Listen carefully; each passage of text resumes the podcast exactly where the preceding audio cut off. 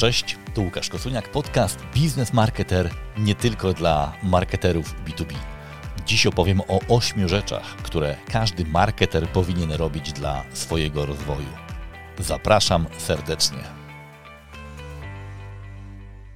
Często w tym podcaście mówię, że bardzo lubię swoją pracę. Pracę konsultanta, szkoleniowca, osoby, która spotyka się z szefami firm, z zawodowcami marketingu, sprzedaży, menedżerami, ludźmi bardzo często zdolnymi, od których sam bardzo wiele się uczę, ale też mam okazję obserwować pewne zjawiska, pewne być może nawet trendy związane z tym, w jaki sposób następuje chociażby rozwój ludzi zajmujących się marketingiem B2B. No i moje spostrzeżenie nie jest zbyt wesołe. On jest raczej takim y, rozwojem, powiedziałbym, organicznym, ładnie mówiąc. Natomiast prawda jest taka, że tak naprawdę nikt nie dba o rozwój profesjonalny marketerów w firmach B2B. I to jest też oczywiście trochę kamyczek w moją stronę, bo y, można zapytać to, dlaczego ty nie szkolisz marketerów? Ja szkolę marketerów, y, wiecie, że tych szkoleń y, trochę prowadzę, będzie ich coraz więcej, ale prawda jest taka, że rozwój profesjonalny to nie tylko szkolenia. I dlatego dziś chciałbym dać Wam takich osiem podpowiedzi, być może nieoczywistych, bo szkoleń właśnie w nich nie będzie, co zrobić, aby o swój profesjonalny rozwój jako marketera zadbać.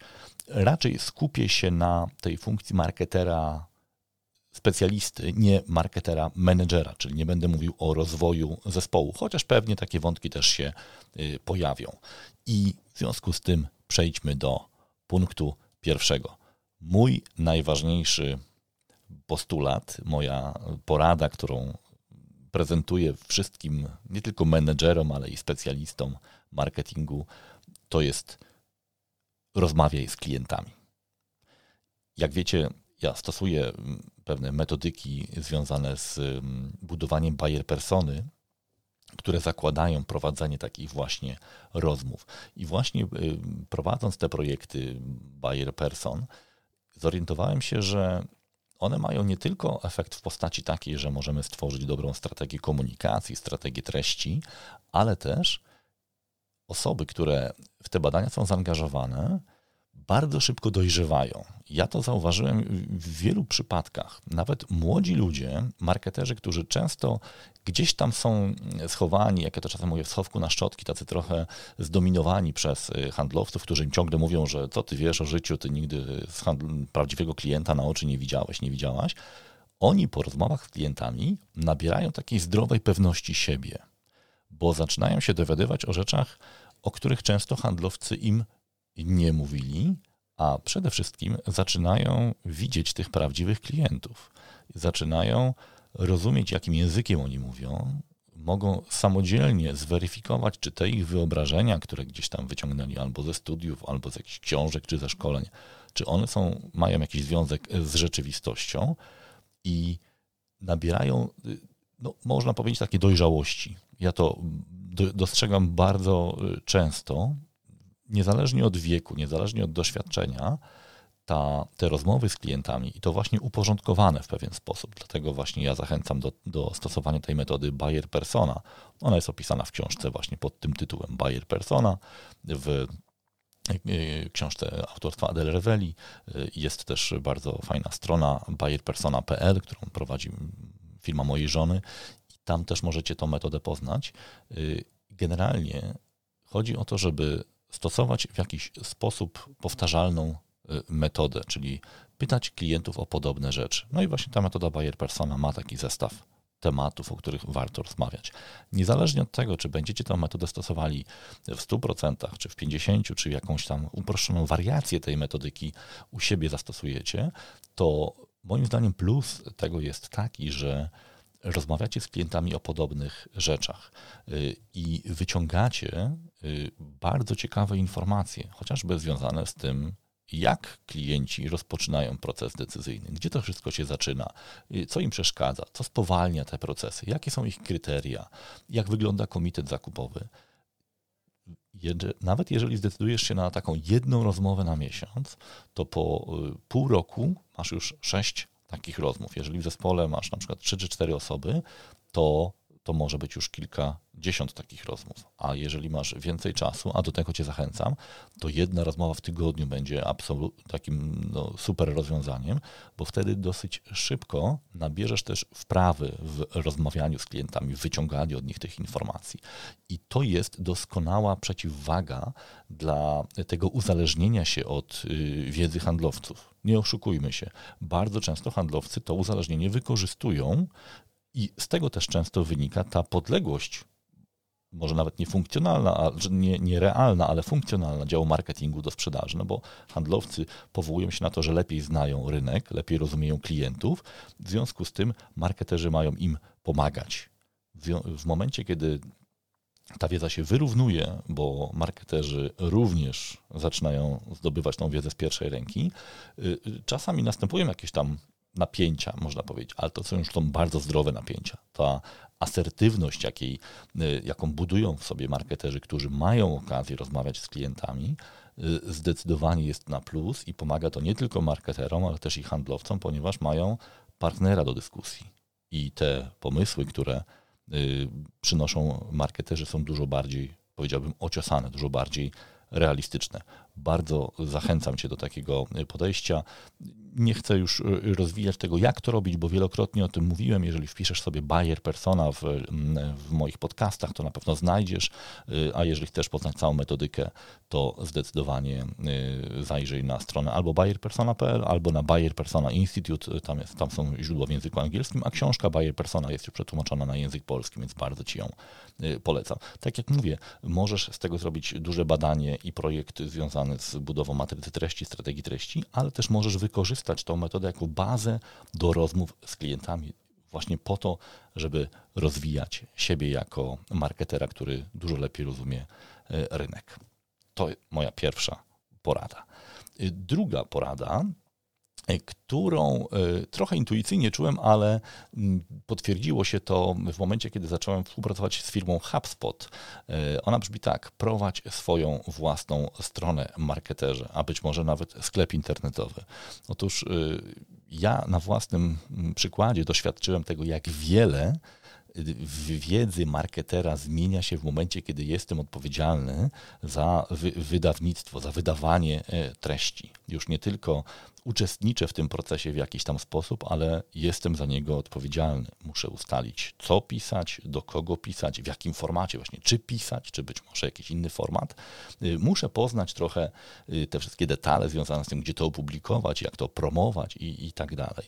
I po y, kilku latach mojej działalności indywidualnej, a może nawet trochę wcześniej, natknąłem się na taki artykuł, w którym właśnie jeden z menedżerów HubSpota mówi o tym, że on wymaga od swoich marketerów tego, tego, żeby prowadzili jakiś rodzaj działalności online, swojej własnej, jakiś sklep internetowy, jakiś kurs online, jakąś, jakiś blog, właśnie po to, żeby poznali te wszystkie bolączki marketerów mm, tak od początku. Bardzo często mm, marketerzy, którzy wywodzą się z tego świata jeszcze, mm, powiedziałbym, tradycyjnego i ten świat online poznają już przez papierek taki trochę y, agencyjny, ktoś im to wszystko y, doradza, pomaga, czują, tak trzeba to nazwać, nie czują tych wszystkich problemów czy zagadnień związanych z digital marketingiem. Więc jeżeli, y, nawet jeżeli jesteś marketerem już z dużym doświadczeniem, tak jak ja, no, ja już mam prawie 20 lat doświadczenia, i właśnie wywodzę się z tego świata tradycyjnego, to bardzo Ci polecam y, założenie własnego bloga, ale właśnie bloga. Nie, nie wystarczy profil na Facebooku czy, czy, czy LinkedInie. Y, warto jest ubrudzić sobie trochę rączki. Warto jest zobaczyć, jak ten warsztat y, wygląda właśnie od podszewki. Warto popełniać czasem błędy na własnej skórze, bo wtedy zrozumiesz, z czego mogą wynikać błędy albo gdzie, gdzie jest ryzyko pewnych, pewnych błędów. Łatwiej też, też jest testować pewne pomysły. Jeżeli prowadzisz jakąś dużą operację marketingową, no to tam testowanie pomysłów często no, nie jest mile widziane bo jest zbyt duże ryzyko, ale taką, przetestować jakąś taktykę czy jakąś nową technologię możesz właśnie na swoim własnym blogu, na swoim własnym małym y, sklepie internetowym barier technologicznych w zasadzie już nie ma. Sklep internetowy można prowadzić naprawdę prawie że za darmo. Oczywiście nie mówię o kosztach operacji, tylko mówię o kosztach uruchomienia. Oczywiście y, wiadomo, że te, za wszystko trzeba płacić i, i są usługi, i są technologie, które mają też swój koszt, ale na początku wcale nie musisz ponosić jakichś wielkich inwestycji. A zauważyłem, że po sobie, ale też i po osobach, które obserwuję, te osoby, które rzeczywiście brudzą rączki, w cudzysłowie, czyli prowadzą, zaglądają gdzieś do środka tych operacji i prowadzą swoje blogi, swoje sklepy internetowe, są y, dużo bardziej dojrzałymi marketerami, nie są teoretykami, ale też potrafią y, wymagać mądrze od swoich partnerów technologicznych czy od agencji, y, właśnie w taki sposób, że rozumieją, gdzie mogą pojawić się problemy, na co zwrócić uwagę, a co jest jakimś naturalnym etapem uczenia się chociażby. No i mają też trochę większą odwagę właśnie podejmowania ryzyka, to wynika też z tego, że często są w stanie o wiele lepiej to ryzyko oszacować. Więc zdecydowanie warto prowadzić swój blog. Oczywiście to może być blog związany z hobby, ale też może być związany chociażby z dzieleniem się wiedzą o, o marketingu. Czasami taki blog pomaga na przykład lepiej komunikować się z otoczeniem, na przykład z agencjami, tłumaczyć pewne rzeczy, tłumaczyć pewną pozycję, ale też budować swoją markę osobistą. To zdecydowanie jest dobry sposób na budowanie marki osobistej, niejako przy okazji, bo on no, wymusza na nas pewne y, praktyki dzielenia się wiedzą, więc zdecydowanie warto to robić. Czyli druga praktyka, prowadź swoją własną stronę, bloga, być może y, mały sklep e-commerce, a być może duży sklep e-commerce, bo to y, zdecydowanie y, sprawia, że jesteś praktykiem, nie tylko teoretykiem. Moja trzecia porada – Czytaj trudne książki i unikaj łatwych książek. Mm, w marketingu, pewnie jak jeszcze w kilku innych dziedzinach, y, jest potężny wysyp takich fast foodów. Ja nazywam fast foodami książki, które są łatwe do przetrawienia, mają super y, chwytliwe tytuły, piszą to, co chcesz, chcesz usłyszeć, y, natomiast po wyciśnięciu tego meritum zostaje tam często nic, albo co gorsza, pojawiają się tam praktyki, które albo nigdy nie zostały sprawdzone jako skuteczne, albo już wiadomo, że są y, nieskuteczne. Te książki są tanie i krótkie, y, często są y, pisane przez autora, który powołuje się głównie na swój przypadek, czyli odniósł sukces w jakiejś dziedzinie i stara się ekstrapolować ten, te, te praktyki, które, które wniosły go na szczyt, mówiąc, że one wszędzie się sprawdzą. Prawda jest taka, że tak może być, że się wszędzie sprawdzą, a bardzo często nie sprawdzą się wszędzie, bo y, autor odniósł sukces dzięki wielu różnym innym czynnikom, często wręcz zbiegom okoliczności. A mamy, jest takie zjawisko, już teraz zapomniałem jej nazwy, ale mamy taką tendencję do y, właśnie nazywania pewnych przypadkowych działań jakimś naszym zaprogramowanym sukcesem i potem się tym chwalimy. W mark- nie będę oczywiście podawał tytułów, no, bo tutaj pewnie bardzo szybko by się do mnie prawnicy odezwali y, tych autorów, ale y, pamiętajcie proszę, że y, no, to nie jest tak, że po przeczytaniu jednej, y, nawet świetnie brzmiącej książki, ktoś zostanie ekspertem marketingu i nagle y, przewróci do góry nogami świat marketingu. To, to takie podejście growth hackingowe. Ja rozumiem, to to jest growth hacking. Ja wiem, że to nie, nie, nie, nie oznacza zawsze oszustwo, ale takie podejście, że jednym sprytnym ruchem załatwię wszystkich innych i będę najlepszym marketerem, zazwyczaj się nie sprawdza, moi drodzy to byłoby zbyt piękne, żeby było prawdziwe. I ja wiem, że mówię trochę jak już taki 40-paroletni zgret, ale yy, chcę was ostrzec przed tym, że no, to nie jest tak, że po jednej książce można być już specem yy, marketingu. I ja zazwyczaj, yy, ponieważ dosyć dużo tych książek czytam, nawet jeżeli spodziewam się, że tam już może czegoś, niczegoś nie dowiem, no bo taki, taka jest też moja rola, żeby te książki znać. Y, zwracam uwagę na pewne rzeczy, które już sprawiają, że trzeba no, mieć czerwoną lampkę. Na przykład przykład to, że w książce nie ma praktycznie żadnych źródeł żadnych odniesień do innych publikacji, badań. Wszystko jest oparte o to, co jest w głowie autora. I ja rozumiem, że jeżeli ktoś opisuje tylko swój case i, i uczciwie to o tym mówi, że będzie teraz pisał to, czego się nauczył, ok, przyjmujemy to, ale jeżeli ktoś już próbuje wyciągać y, wnioski dla innych marketerów i stara się pokazać, że te praktyki mogą się sprawdzić w innych przypadkach, no to dobrze byłoby jednak się odnieść do, no, do elementów weryfikacji, na przykład do badań. No jeżeli ktoś tych źródeł nie podaje, albo podaje źródła do innych tego typu książek, to albo się nie zna na researchu, albo y, zmyśla, albo po prostu boi się, że znajdzie informacje, które y, zaprzeczają tym tezom.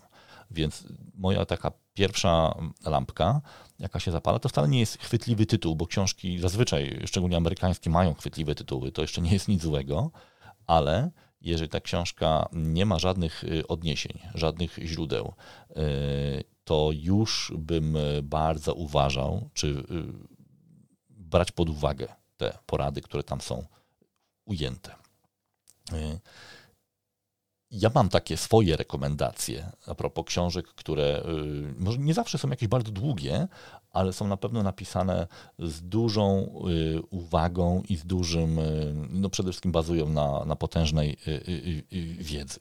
Nie będę teraz tutaj robił ich recenzji, ale chcę, chcę Ci przy okazji po prostu polecić parę książek, które mogą się bardzo przydać. Pierwsza, która na mnie zrobiła potężne wrażenie kilka lat temu, to jest książka na szczęście już przetłumaczona na język polski. Jej tytuł to jest Nie licz na szczęście profesora Claytona Christensena. On opisuje tam tą już no w tej chwili można powiedzieć, że słynną metodę y, jobs to be done, która wcale nie została wymyślona na potrzeby marketingu. Ja ją stosuję w działalności marketingowej, ale ona została wymyślona na potrzeby analizy y, innowacji, czy innowacja przyjmie się na rynku. Tam właśnie definicja tego, czy, ro, czy, czy produkt robi robotę, czy spełnia konkretne zadanie, które jest niezbędne, które jest potrzebne, był takim kluczowym elementem. Natomiast ja y, stosuję tą, wprowadziłem tą analizę jobs to be done też do analizy treści, czyli sprawdzam, czy treści y, odpowiadają na konkretne zadania, które nasz y, potencjalny klient ma w procesie decyzyjnym. Mówię o tym długo, więc tutaj tylko zajawiam. Bardzo y, Wam to polecam, nie tylko jako marketerom. Druga książka, o której już wspomniałem, i to jest ta książka właśnie z tych kategorii, tych trudnych, to jest Bayer Persona. Ona jest trudna, może nie dlatego, że jest napisana jakimś dziwnym językiem, ale jest po prostu nasycona y, informacjami. To jest taki po prostu bardzo kaloryczna książka, której no, nie polecam czytać przed, przed snem, bo po prostu niewiele zapamiętacie y, z tego. To jest książka, y, książka narzędzie, książka, której trzeba się nauczyć wręcz na pamięć i przede wszystkim stosować jej założenia. Bayer Persona, Adele Revela, też już dostępna w języku polskim. Trzecia książka, którą chcę Wam polecić, która jest trochę właśnie wyjątkiem od tej reguły yy, książek yy, trudnych, to jest książka po tytule Co chce wiedzieć klient. Bardzo często ją polecam. Ona jest krótka, ona jest napisana świetnym, prostym językiem i ona rzeczywiście jest, yy, bazuje, przynajmniej w pierwszej wydaniu, bazowała na doświadczeniach autora Markusa Sheridana, który właśnie podzielił się tą swoją metodą zapisywania pytań klientów. Ale Markus nie pretenduje pretendował do tworzenia żadnej metodyki. On po prostu opisał y, to, co y, robił, pokazał tego efekty y, i zupełnie szczerze podpowiedział: sprawdźcie, jeśli chcecie. W drugim wydaniu, po kilku latach, Markus już podsumowuje i idzie szerzej, ponieważ ma już doświadczenia klientów, którzy stosowali tę metodę i tam potwierdza to i powołuje się już na wiele, na wiele źródeł. Więc dlatego uznaję tę książkę za pewien wyjątek, bo ja się zachwyciłem tą metodą rzeczywiście, ale miałem świadomość taką, że to wcale nie musi zadziałać. Czułem, że to zadziała i faktycznie w moim przypadku i w wielu y, przypadkach moich klientów też to zadziałało. Ta metoda, y, o której zawsze, za chwilę też powiem, bo to jest jedna z tych porad, które chcę Wam y, też przedstawić, polegająca na zapisywaniu pytań klientów. Inne rekomendacje to jest książka profesora Memesa From Selling to Co-Creating. To jest książka, która nie została przetłumaczona na język polski, chyba nawet nie ma e-booków, bo tam jest dosyć dużo różnych y, grafik, więc y, no, jedyny sposób to zakupienie na Amazonie chyba książki papierowej, ale ona mm, opisuje bardzo ciekawy y, taki proces współtworzenia produktu czy rozwiązania z klientem. I mimo, że wszyscy wiemy, że z klientem trzeba współtworzyć rozwiązanie, to e, profesor Memes pokazuje też na wielu przykład, przy, przypadkach e, swoich klientów e, różnych praktyk, które wykonywał dla, dla innych klientów, czy razem z innymi klientami tworzył dla ich klientów te, te rozwiązania. Jak do tego podejść? Jeżeli właśnie jesteście w biznesie budowania rozwiązań rozwiązaniowym, a wiem, że wielu moich słuchaczy jest właśnie w biznesie chociażby rozwiązań IT, to to może być bardzo ciekawa książka. Ona znowu nie jest z tych łatwych, ale rzeczywiście jest bardzo kaloryczna. Oczywiście wszystkie książki Joe Puliciego bardzo Wam polecam. Y, Joe ma język lekki. Y, Joe pisze o content marketingu w taki bardzo szeroki sposób. Y, I te mm, książki się w jakiś sposób ze sobą pokrywają, natomiast rzeczywiście on bardzo całościowo podchodzi do content marketingu. Więc jeżeli chcesz zrozumieć, czym tak naprawdę jest content marketing, nie każda treść w marketingu to content marketingu, co to jest, co się kryje pod, tym, pod tą praktyką, skąd się to bierze i do czego może doprowadzić, to Joe Policji rzeczywiście zdecydowanie tutaj polecam. Już nie będę wymieniał wszystkich jego książek, bo jest ich, jest ich sporo. Y, takim podpunktem w, tym, w tych moich rekomendacjach są publikacje firm analitycznych.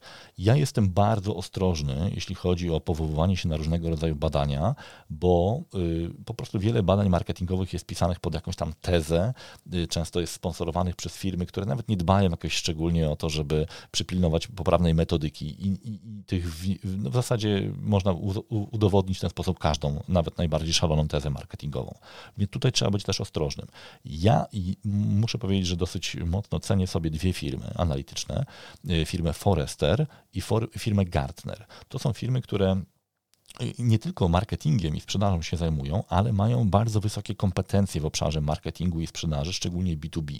Forrester kupił y, kilka lat temu firmę Serious Decisions, która się tylko właśnie w marketingu i sprzedaży B2B mm, specjalizowała, więc oni rozumieją, co badają. Podobnie Gartner kupił firmę CEB jeszcze wcześniej, która też y, robiła bardzo ciekawe y, analizy. Gartner, co ciekawe, wydaje, wydał też y, dwie książki w obszarze marketingu i sprzedaży. Nazywa się Challenger Sale jest też tytuł w języku polskim y, y, Sprzedawa jak Challenger i Challenger Customer, y, która jest książką jeszcze nie przetłumaczoną na język, na język polski. To jest też taka ciekawa historia, bo no, jak słyszycie sprzedawa jak Challenger, to też pewnie macie takie przekonanie, że to jest taki trochę tytuł y, właśnie jest takich książek lekkich, krótkich i do sprzedaży, do przeczytania w pociągu. Tak nie jest.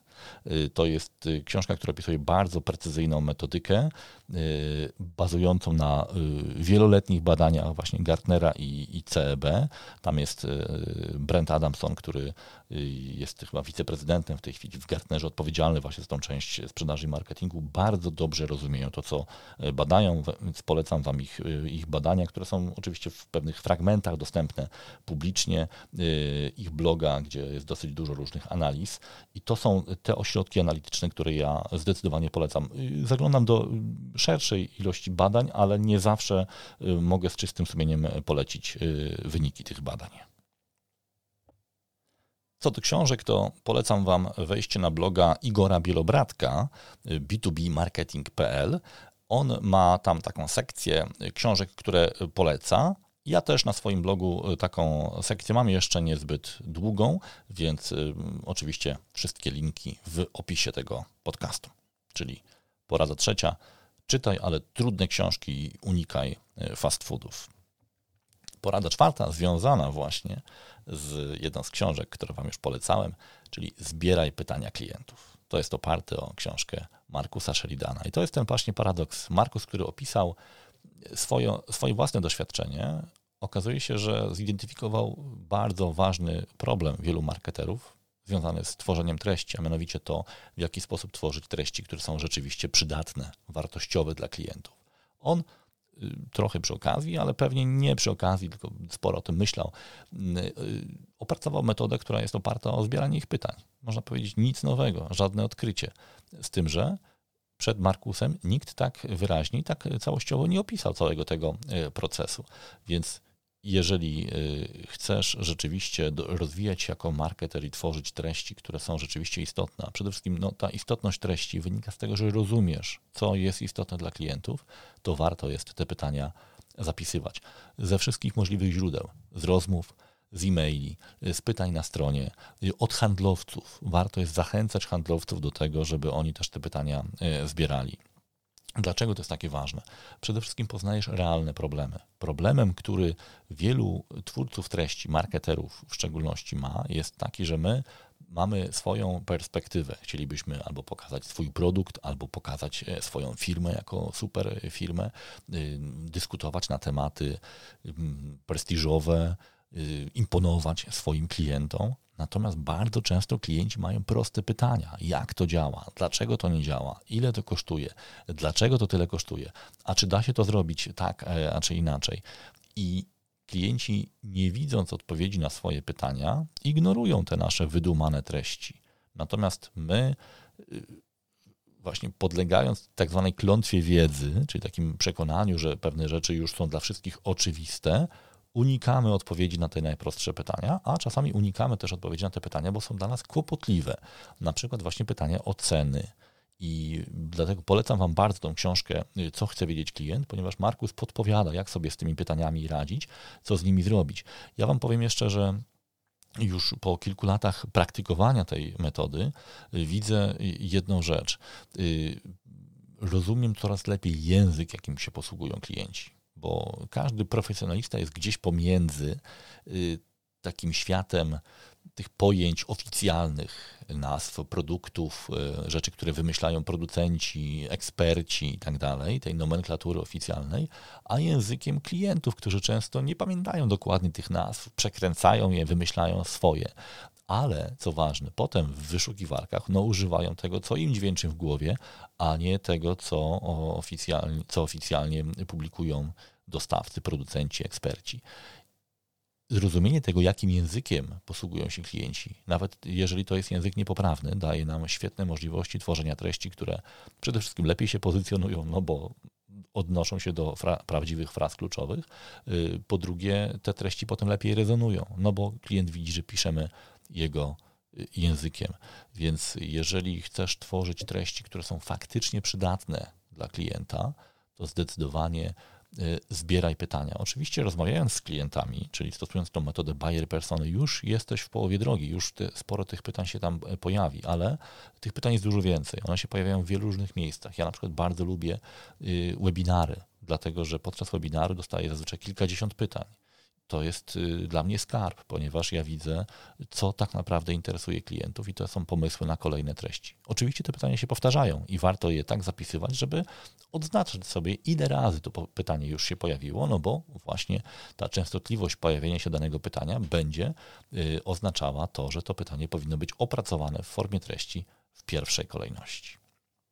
Porada numer 5. Tutaj trochę w cudzysłowie. Naucz się Excela ja kiedyś prowadząc szkolenia dla właśnie marketerów, mówiłem, e, pytałem w zasadzie, co wolą, PowerPointa czy Excela? I większość marketerów zdecydowanie głosowała za PowerPointem. To jest oczywiście taki obraz trochę alegoryczny. Y, chodzi o to, że wielu marketerów jest przekonanych o tym, że marketing to jest bardziej sztuka niż nauka. Bardziej liczy się e, przekaz, e, wizja, obraz, doświadczenie niż liczby. Oczywiście obie te rzeczy są ważne. Natomiast to, co zauważyłem, to jest brak balansu. To jest to, że marketerzy zamiast stać na obu tych nogach, PowerPointa i Excela, czyli sztuki i nauki, y, stoją na jednej nodze, na tym, na tym PowerPoincie. I teraz problem pojawia się wtedy, kiedy zaczynamy się komunikować z resztą organizacji. Ja kiedyś uczestniczyłem e, w takim shadowingu, czyli takim, takiej obserwacji uczestniczącej jednego z menedżerów marketingu, który wchodząc na spotkanie zarządu, miał takie przekonanie, że właśnie wszyscy się wtedy odprężają, że ta rozmowa jest taka przyjemna i tak dalej. I tak było, rzeczywiście. Z tym, że ta rozmowa była przyjemna dlatego, że członkowie zarządu traktowali go jak maskotkę, jak przerwę na reklamę ponieważ wśród tych wszystkich trudnych problemów, które mieli do omówienia, często się tam kłócili, nagle przychodzi człowiek, który pokazuje im jakieś fajne obrazki, fajne lajki. Oczywiście na marketingu się wszyscy znają. Poklepali go po plecach, powiedzieli fajnie, fajne rzeczy robisz i koniec przerwy na reklamę. Ten człowiek nie zdawał sobie z tego sprawy, że on nie uczestniczy w tym spotkaniu, że on jest y, właśnie kimś rodzaju zabawki, takiej maskotki. Y, nie chcesz być maskotką zarządu, bo to nie buduje twojej pozycji. Pamiętaj proszę, żeby zawsze y, prezentując jakieś inicjatywy, szukać informacji, jak to wpłynie na rezultaty biznesowe firmy. I bardzo często marketerzy trochę z wyrachowania pokazują te wszystkie kolorowe rzeczy, te lajki, te ilości osób, które były na konferencjach, wiedząc, że to samo w sobie jest y, przyjemne, że każdy się ucieszy, że firma ma dużo lajków.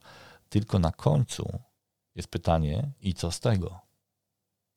czy te lajki przełożyły się na jakikolwiek yy, wynik biznesowy. Oczywiście lajki mówię w cudzysłowie, bo to mogą być różne inne, tak zwane te vanity metrics, tak? czyli takie metryki, które poprawiają humor, ale nic sensownego nie, nie, nie znaczą.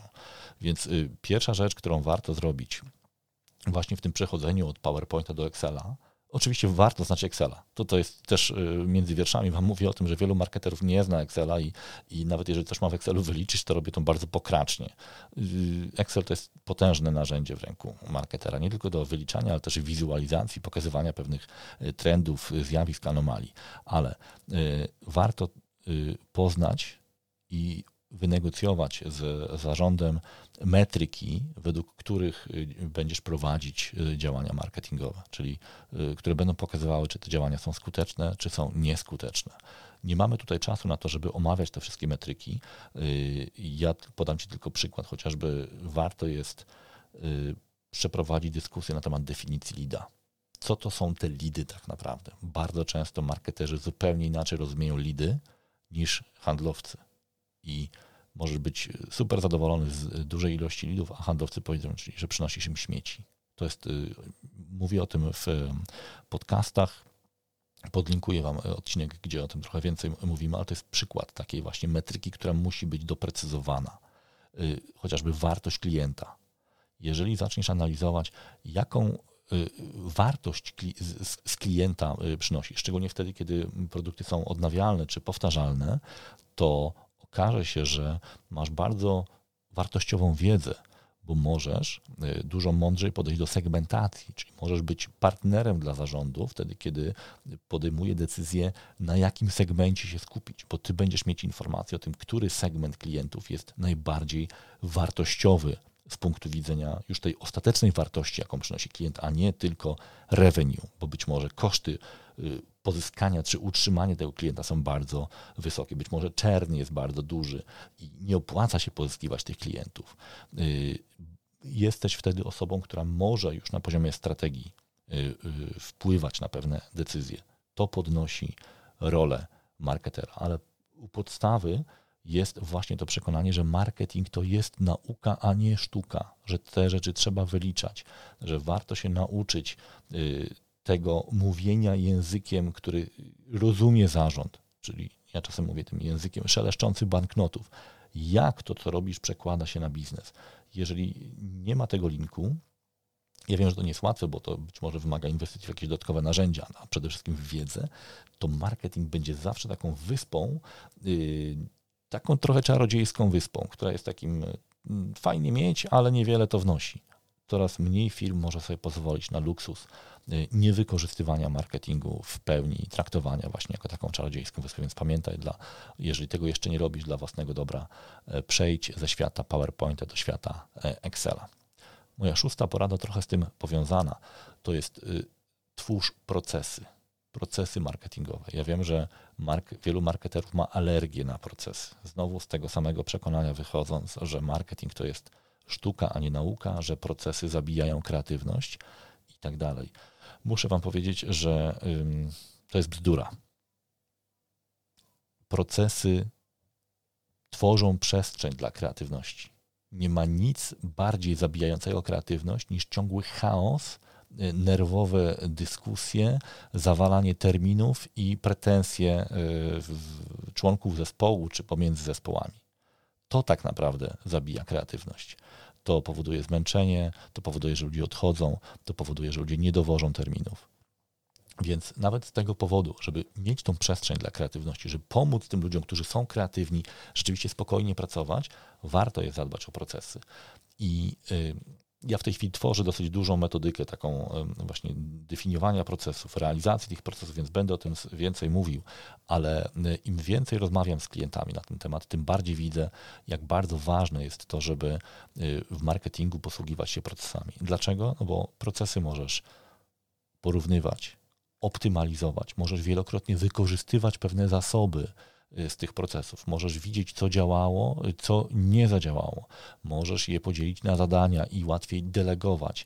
Powtarzalność powoduje, że nie uczysz się od nowa tego wszystkiego. Ja ciągle z dużym y, takim może zaciekawienie to jest złe słowo, ale ze zdziwieniem obserwuję to, jak w firmach kolejna kampania oznacza zupełnie y, od początku wszystko robimy. Wymyślamy wszystko, y, negujemy to, co robiliśmy ostatnio, nawet nie porównując jednego y, z drugim. A z drugiej strony wiemy o tym, że niezbędne są procesy w marketingu, ponieważ pozyskiwanie klienta czasem dwa trwa e, latami. Nie możemy tego robić po prostu od wydarzenia do wydarzenia. Więc znowu mam na ten temat chyba trzy odcinki podcastu, nie tak dawno nagrane, więc podlinkuję je, ale pomyśl proszę o tym, i które z aktywności marketingowych, które podejmujesz, chociażby generowanie lidów, ogrzewanie lidów, y, publikacje treści, promocja treści, y, mogą być oprocesowane i można je wtedy w dużo prostszy sposób nimi zarządzać, można, można je skalować też, bo widzisz wtedy, jakie są efekty i co można, y, gdzie można podbić y, skuteczność tych, tych działań. Tak, żeby nie y, poświęcać zbyt dużo czasu na rzeczy, które już omówiłem, powtórzę tylko dla własnego rozwoju, pomyśl o tym, jak przejść do tego trybu procesowego w Twoich działaniach marketingowych. Porada siódma może być trochę, trochę kontrowersyjna, ale bardzo zachęcam Cię do tego, żeby porozmawiać z zarządem na temat rozliczania się za efekty sprzedażowe. Wiem, że wielu marketerów w tym momencie mm, zjeżyło się albo przestraszyło się, albo już to próbowali robić i to się nie udało. Y, doprecyzuję. Nie chodzi o to, żebyś ty jako szef marketingu, czy jako specjalista do spraw marketingu był odpowiedzialny za sprzedaż. Nie, chodzi, za chodzi mi o efekty sprzedażowe, czyli o wpływ Twoich działań na sprzedaż. Warto jest y, porozmawiać o tym, w jaki sposób masz być wynagradzany. Nie tylko za to, co robisz, ale jakie efekty to przynosi. No, najprostszym takim mechanizmem jest oczywiście wynagradzanie za lidy, które zamieniły się w sprzedaż warto też porozmawiać o tym, jaki masz wpływ na to, co się dzieje z lidami przekazanymi do działu sprzedaży. No bo jeżeli ty generujesz dobre lidy, a potem nikt z nimi nic nie robi, no to będziesz stratna, stratny na tym. Ale chodzi mi o rozpoczęcie tej rozmowy, bo ona uruchamia pewne mechanizmy też wewnątrz firmy. No bo żebyś ty jako marketer mógł przyjąć na siebie odpowiedzialność za efekty sprzedażowe, no musisz mieć pewne narzędzia, chociażby właśnie dostęp do CRM-a, taki najprostszy. Wielu marketerów nie widzi w ogóle, co się dzieje z szansami sprzedaży, które e, przekazali do e, działu sprzedaży. E, możesz, powinieneś też mieć wpływ na to, co się dzieje, być może na, na działania takiego dodatkowego podgrzewania, wsparcia sprzedaży, na chociażby analitykę, ile z tych lidów, które przekazujesz, zostało rzeczywiście dobrze obsłużonych. Możesz wymagać od handlowców, żeby postępowali według pewnego schematu czy pewnej procedury, żeby tych lidów nie tracić i tak dalej. Natomiast wszystko zaczyna się od tego, żebyś ty miał w tym interes żebyś był zainteresowany tym, żeby tak było. I warto jest tą rozmowę rozpocząć. Oczywiście trzeba być przygotowany do tej rozmowy. Tutaj w tych podcastach znajdziesz wiele podpowiedzi na ten temat. Ja być może nawet nagram specjalny odcinek tylko właśnie na, na, na temat wynagradzania marketerów za, za, za, za efekty sprzedażowe, ale pamiętaj proszę, jeżeli chcesz być ważnym partnerem do dyskusji, to i też być docenianym za sukces e, sprzedażowy, to warto jest pomyśleć o tej e, metodzie. Dopowiem tylko trochę w kontrze do tego, co powiedziałem, że w wielu firmach trwa w tej chwili dyskusja na temat tego, czy w ogóle handlowcy powinni mieć premie sprzedażowe, bo okazuje się, że w wielu przypadkach no, nie przynosi to odpowiedniego rezultatu, a też powoduje pewne zjawiska patologiczne to jest inna dyskusja. Natomiast jeżeli w Twojej organizacji jest, funkcjonuje mechanizm premii sprzedażowych, to warto jest porozmawiać z zarządem, co można byłoby zrobić, żebyś również Ty jako osoba zajmująca się marketingiem, czy zespół marketingu, byli wynagradzani za sukces y, swoich działań, ponieważ to y, niejako wymusi na Was połączenie działań marketingowych i sprzedażowych. Czyli będziesz musiał udowodnić, musiała udowodnić to, że działania marketingowe przekładają się na sprzedaż, ale też będziesz mieć wpływ na to, przynajmniej będziesz kontrolować to, co się dzieje z efektami działań marketingowych po stronie sprzedaży. No i właśnie te, o tej sprzedaży powiemy sobie w ostatniej mojej poradzie mm, dla marketerów, mianowicie warto uczyć się sprzedaży. I moja porada jest taka, tak jak namawiałem Cię do spotkania bezpośredniego z klientami, tak też warto na przykład raz w miesiącu iść na spotkanie sprzedażowe. Zobaczyć, jak handlowcy sprzedają, jak ci klienci traktują handlowców, jak y, łatwo albo trudno jest handlowcowi dostać się na takie spotkanie. My, marketerzy, często narzekamy na handlowców, że oni są niecierpliwi, że nas do wielu rzeczy zmuszają, że nie rozumieją marketingu, że chcą mieć wszystko na, na, na już i tak dalej. Trochę zmienia się perspektywa w momencie, kiedy albo sam zaczynasz sprzedawać, albo widzisz, jak łatwo się sprzedaje handlowcom. Ja muszę powiedzieć, że dosyć często brałem udział w spotkaniach sprzedażowych, zawsze jako marketer.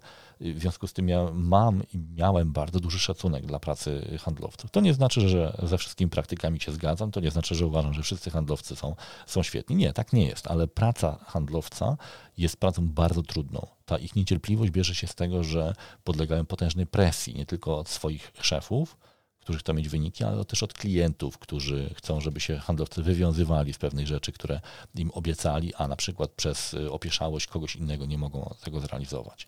Więc obecność na spotkaniach sprzedażowych bardzo y, pomaga dojrzewać marketerów. Szczególnie kiedy masz, y, jesteś menedżerem i masz nowych ludzi w marketingu, warto ich wysyłać na te spotkania. Niech siedzą i notują właśnie zapisywanie pytań wtedy łatwiej zrealizować, bo y, mają oni na to czas. Handlowiec oczywiście zazwyczaj jest skupiony na tym, żeby no, tą rozmowę poprowadzić odpowiednio.